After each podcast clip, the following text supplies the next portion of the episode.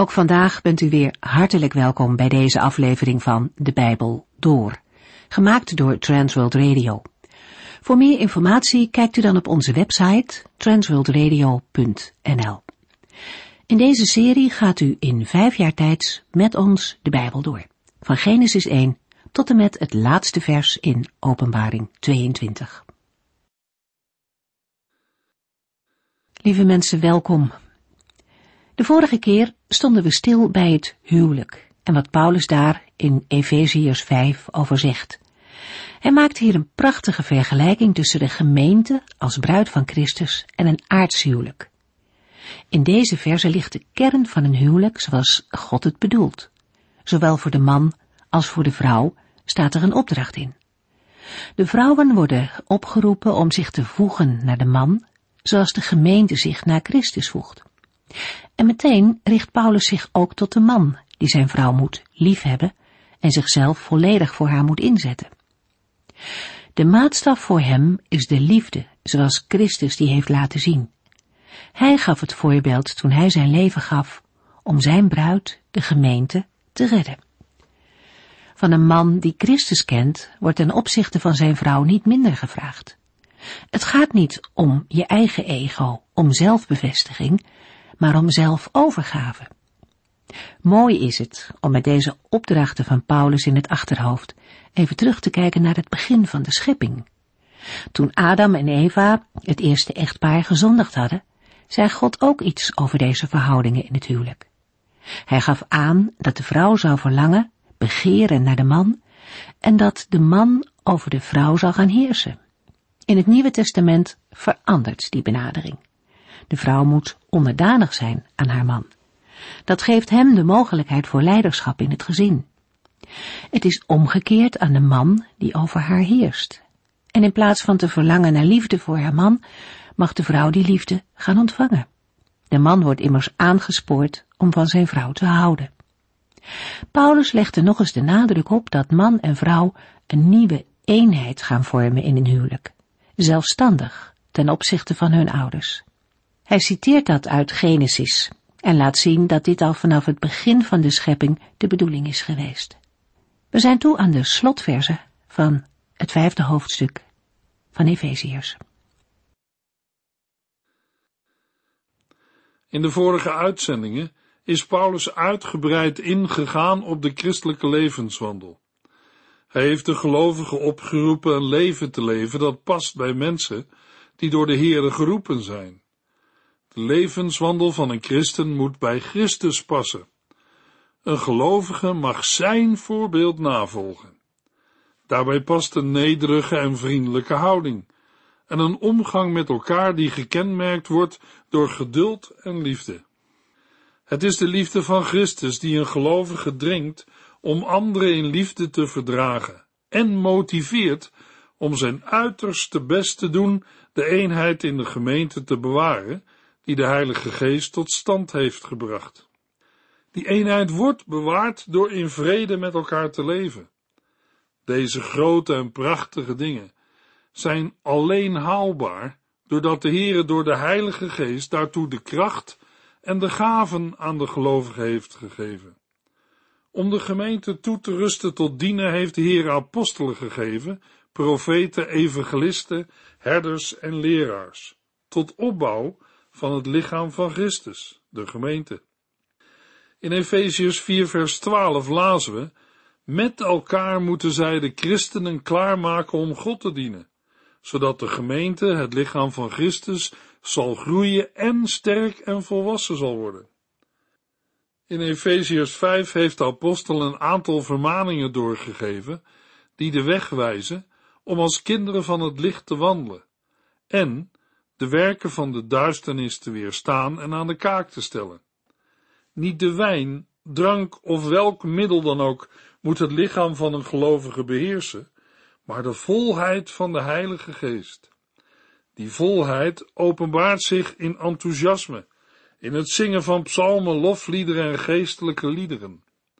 In Efeziërs 5 vers 20 roept Paulus de gelovigen en de christelijke gemeenten op God onze Vader altijd voor alles te danken, in de naam van onze Heer Jezus Christus. Dat brengt tot een houding die mogelijk maakt wat Paulus in Efeziërs 5 vers 21 zegt. Onderwerp u aan elkaar uit ontzag voor Christus. In heilige eerbied voor Hem, die gekomen is om te dienen, mogen de gelovigen elkaar dienen. Dat dienen blijft niet beperkt tot de samenkomsten van de gemeente van Christus. Paulus trekt de lijnen door van Christus als het hoofd van zijn gemeente naar het huwelijksleven van de gelovigen, waarin de man het hoofd is van de vrouw. In 1 Corinthians 11 vers 3 heeft Paulus aan de gelovigen over hetzelfde onderwerp geschreven. Hij schrijft, ik wijs u op iets dat u moet weten. Christus is het hoofd van elke man. De man is het hoofd van zijn vrouw en God is het hoofd van Christus. In Efeziërs 5, vers 22 tot en met 33 werkt de apostel uit wat het betekent dat de man het hoofd is van zijn vrouw.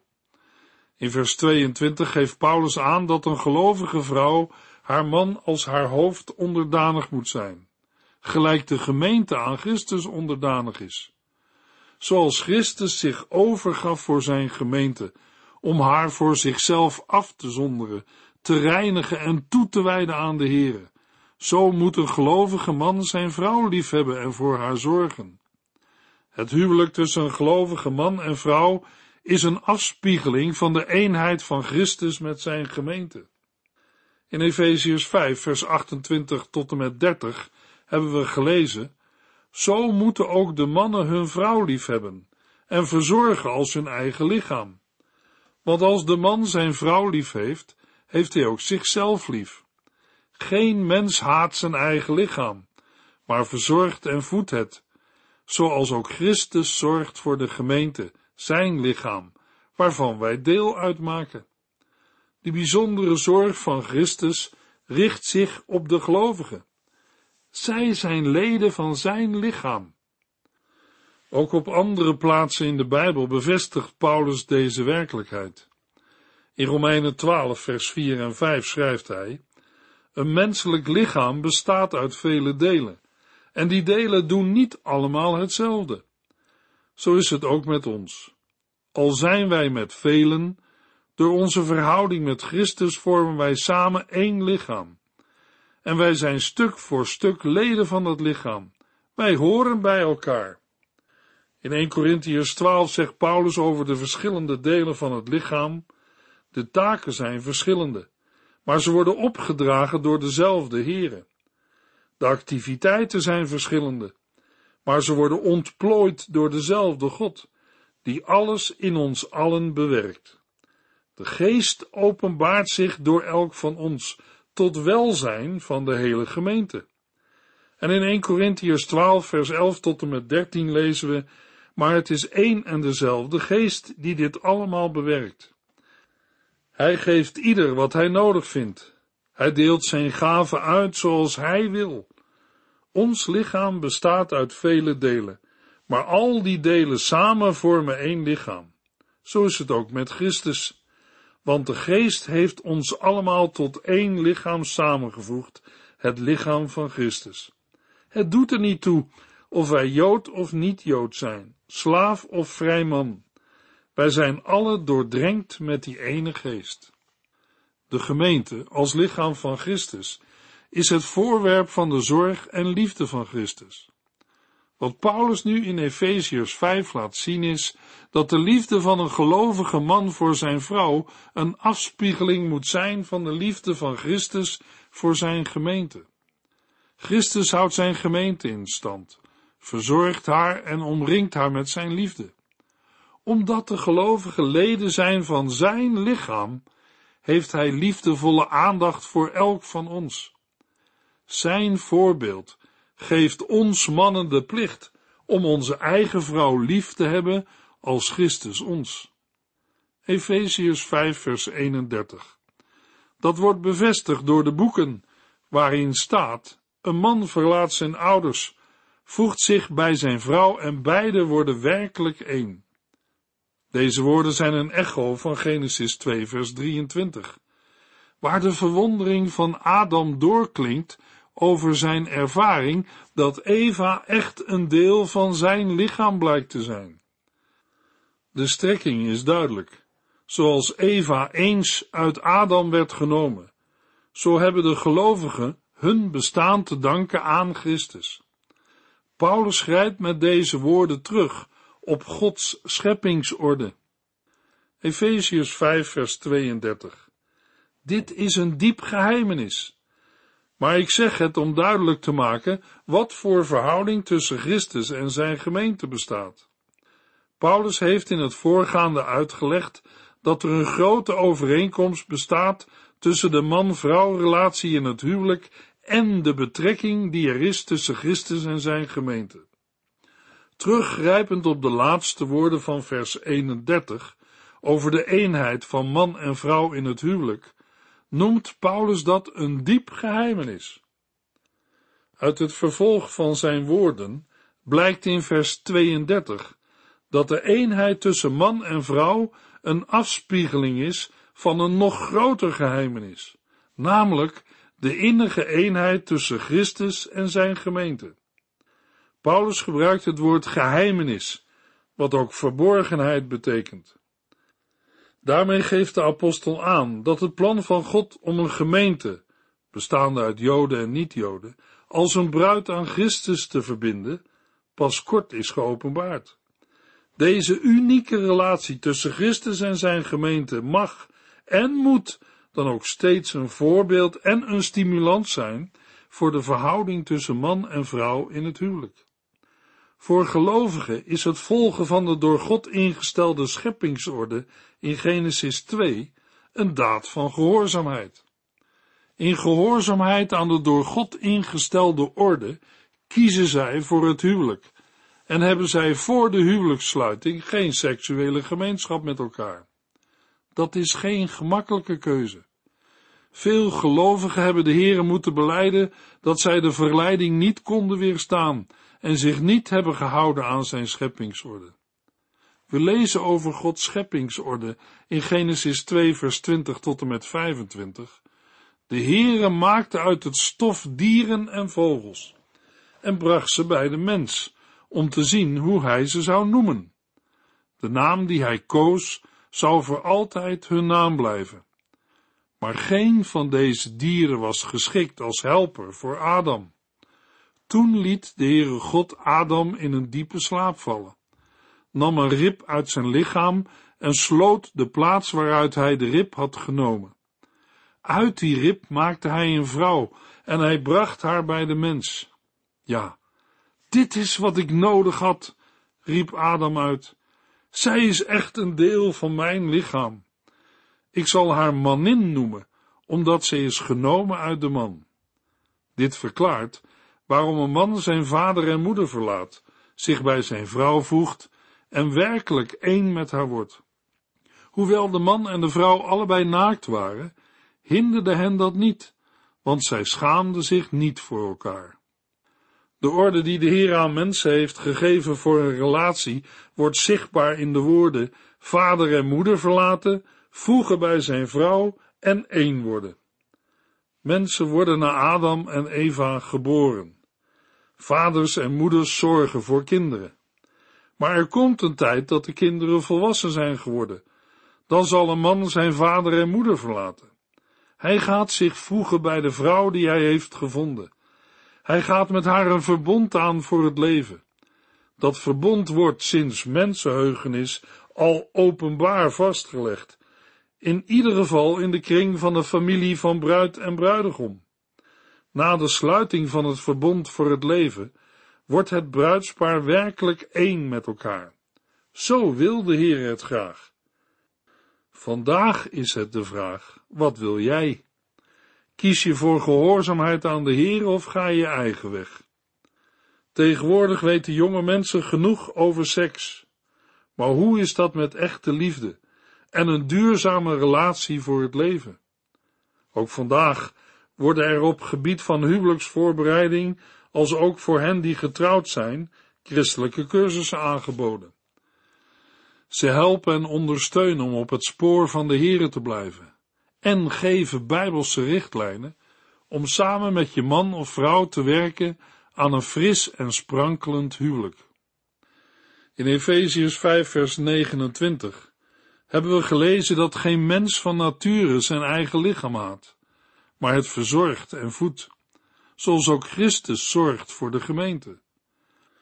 Zo zal een man ook zijn vrouw lief hebben, omdat in de huwelijksrelatie zijn vrouw een deel van zijn eigen lichaam is. Het is zoals de kerk of de gemeente die het lichaam is van Christus. En Christus is van dat lichaam het hoofd. Op dezelfde basis is de man het hoofd van zijn vrouw. Het is onnatuurlijk en ook niet in overeenstemming met het voorbeeld van het hoofd en het lichaam, dat er een afwijking bestaat tussen het hoofd en het lichaam. Paulus brengt dat in vers 29 onder woorden. Geen mens haat zijn eigen lichaam. Het is eerder vreemd dat er vandaag aan de dag uitgelegd moet worden dat een man zijn eigen vrouw moet liefhebben, omdat het onnatuurlijk is voor een mens om zijn eigen vlees te haten. Je eigen vrouw liefhebben is hetzelfde als op een gezonde manier van jezelf houden. Christus voedt en koestert zijn gemeente, omdat hij de zwakheid van zijn gemeente kent. Een man moet hetzelfde doen voor zijn eigen vrouw. Jammer dat dit diepe geheimenis vandaag zo is gepolariseerd, dat deze Bijbelteksten leiden tot gedachten over onderdrukking van de vrouw in het christelijke huwelijk en de gemeente.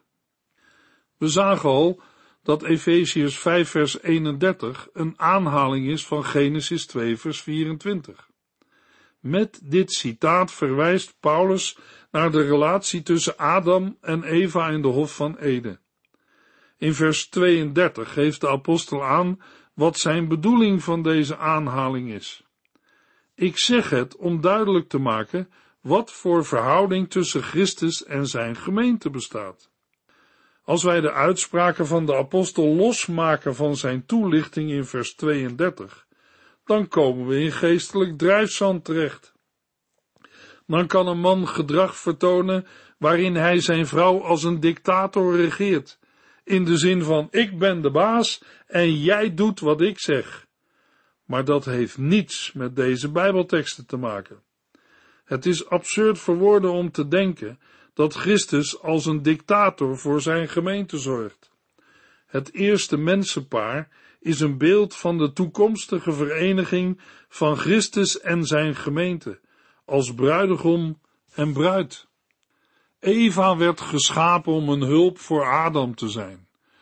Zij werd uit zijn zijde genomen, niet gevormd uit het stof van de aarde zoals de dieren. Adam was niet compleet en onvolledig toen hij nog zonder Eva was. We hebben in Genesis 2 gelezen dat voordat Eva werd geschapen, er geen geschikte helper voor Adam was te vinden. De Heere maakte een vrouw uit een rib van Adam en bracht haar bij hem.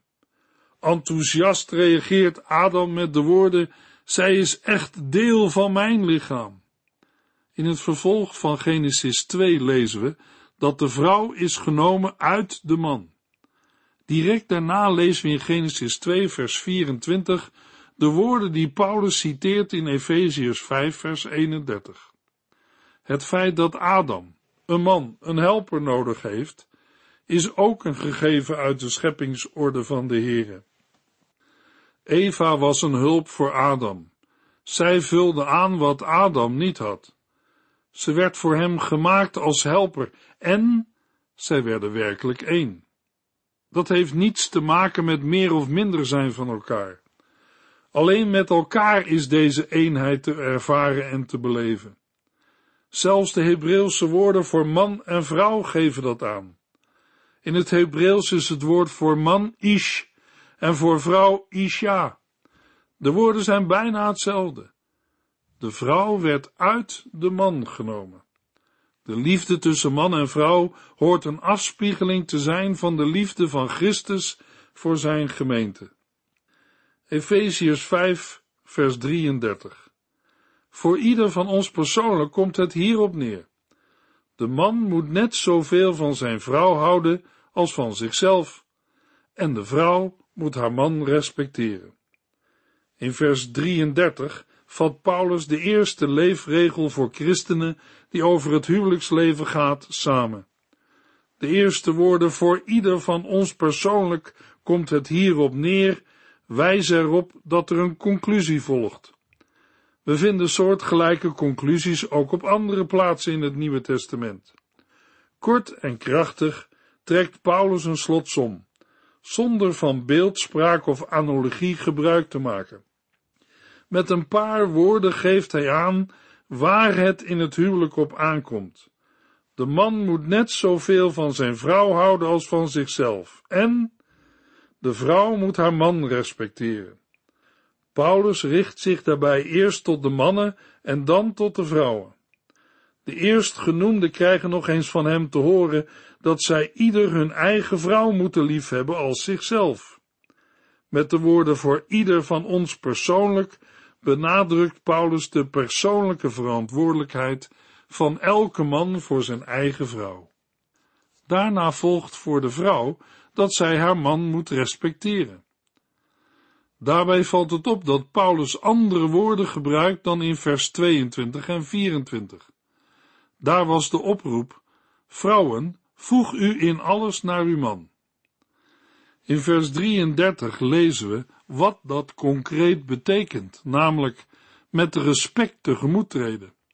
Als antwoord op de liefde van de man wordt aan de eigen vrouw gezegd dat zij haar man moet respecteren. Paulus brengt met deze woorden de gelovigen terug naar de gewone routine van het christenleven in het gezin. Man en vrouw in het christelijke gezin moeten in eenvoud het geheimenis van de komende heerlijkheid laten zien. Het is een afspiegeling van de eenheid tussen Christus en zijn gemeente. En een heel praktische toepassing van dat wat in het algemeen als een onhaalbaar ideaal wordt gezien. Maar dat onhaalbare ideaal geldt niet voor christenen die vol zijn van de Heilige Geest. Mijn huwelijk hoort voor alles een afspiegeling te zijn van de eenheid en verbondenheid van Christus met zijn gemeente.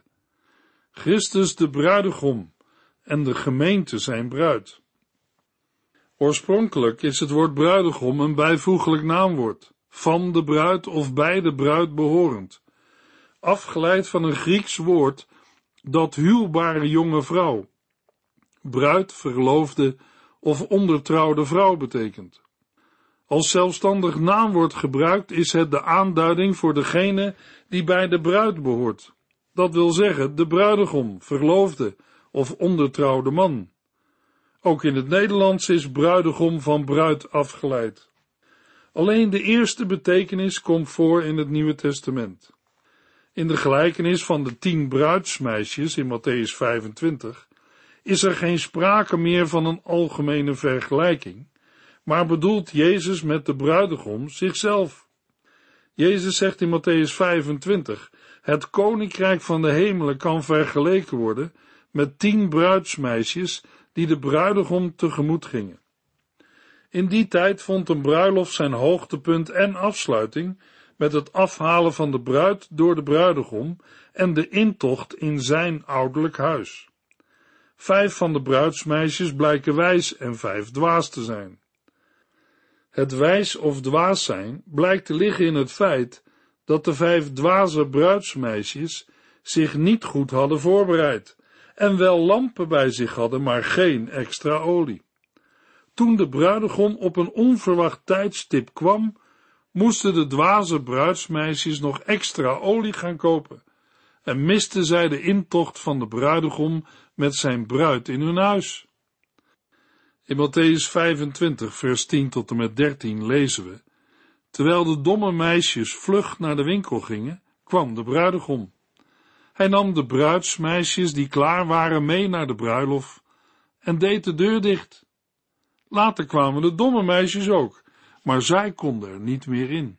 Heer, riepen ze, Heer, laat ons er ook in. De bruidegom riep terug, Ga weg, ik ken jullie niet. Het onderwijs van de Heer Jezus aan zijn volgelingen maakte in vers 13 duidelijk dat het bij de bruidegom gaat om de wederkomst van Christus. Jezus zegt, wees daarom waakzaam, want u weet niet op welk moment ik terugkom. Bij de afloop van de geschiedenis zal de Heere zijn gemeente, nu in alle opzichten nog zo onvolkomen, volmaakt en stralend hebben gemaakt. De gemeente als reine bruid van het lam van Christus staat dan in schril contrast met de andere grote stad in het Bijbelboek Openbaring, de hoer Babylon. In Openbaring 21 vers 2 wordt niet gezegd dat de stad en de bruid dezelfde zijn, maar dat lezen we later wel in vers 9 en 10. Efeziërs 6 vers 1 Kinderen, gehoorzaam je ouders. Dat is goed, omdat de Heere hun gezag over jullie heeft gegeven. Het gebod van liefde en respect voor elkaar geldt niet alleen voor volwassenen, maar heeft ook gevolgen voor de relatie ouders en kinderen. De kinderen moeten hun ouders gehoorzamen, omdat de Heere hun gezag over hen heeft gegeven. Met deze woorden heeft de apostel het christelijk gezin op het oog. Het gaat niet over situaties waarin ouders dingen vragen die in strijd zijn met het gebod van God. Als eerste argument voor deze gehoorzaamheid noemt Paulus, want dat is goed. Een argument dat voor zichzelf sprak, omdat ongehoorzaamheid aan je ouders ook door veel ongelovigen als een groot kwaad werd ervaren en gezien als een teken van verwording. Toch verklaart Paulus dit goed zijn met een beroep op de wet, want gehoorzaamheid aan de ouders is ook iets dat de Heere vraagt. In de volgende uitzending lezen we Efeziërs 6 vers 1 tot en met 8. U heeft geluisterd naar De Bijbel Door, in het Nederlands vertaald en bewerkt door Transworld Radio. Een programma waarin we in vijf jaar tijd de hele Bijbel doorgaan. Als u wilt reageren op deze uitzending of u heeft vragen, dan kunt u contact met ons opnemen. Tijdens kantooruren kunt u bellen op 0342 47 8432. 0342 47 8432. Ook kunt u een e-mail sturen naar de en natuurlijk kunt u ook via de post ons bereiken. TWR, postbus 371, postcode 3770, AJ in Barneveld. Dit programma werd gepresenteerd door Cor Weda en Ike André. Techniek was in handen van Odin van Voerkom. En wij allemaal bedanken u voor het luisteren. Graag tot de volgende keer.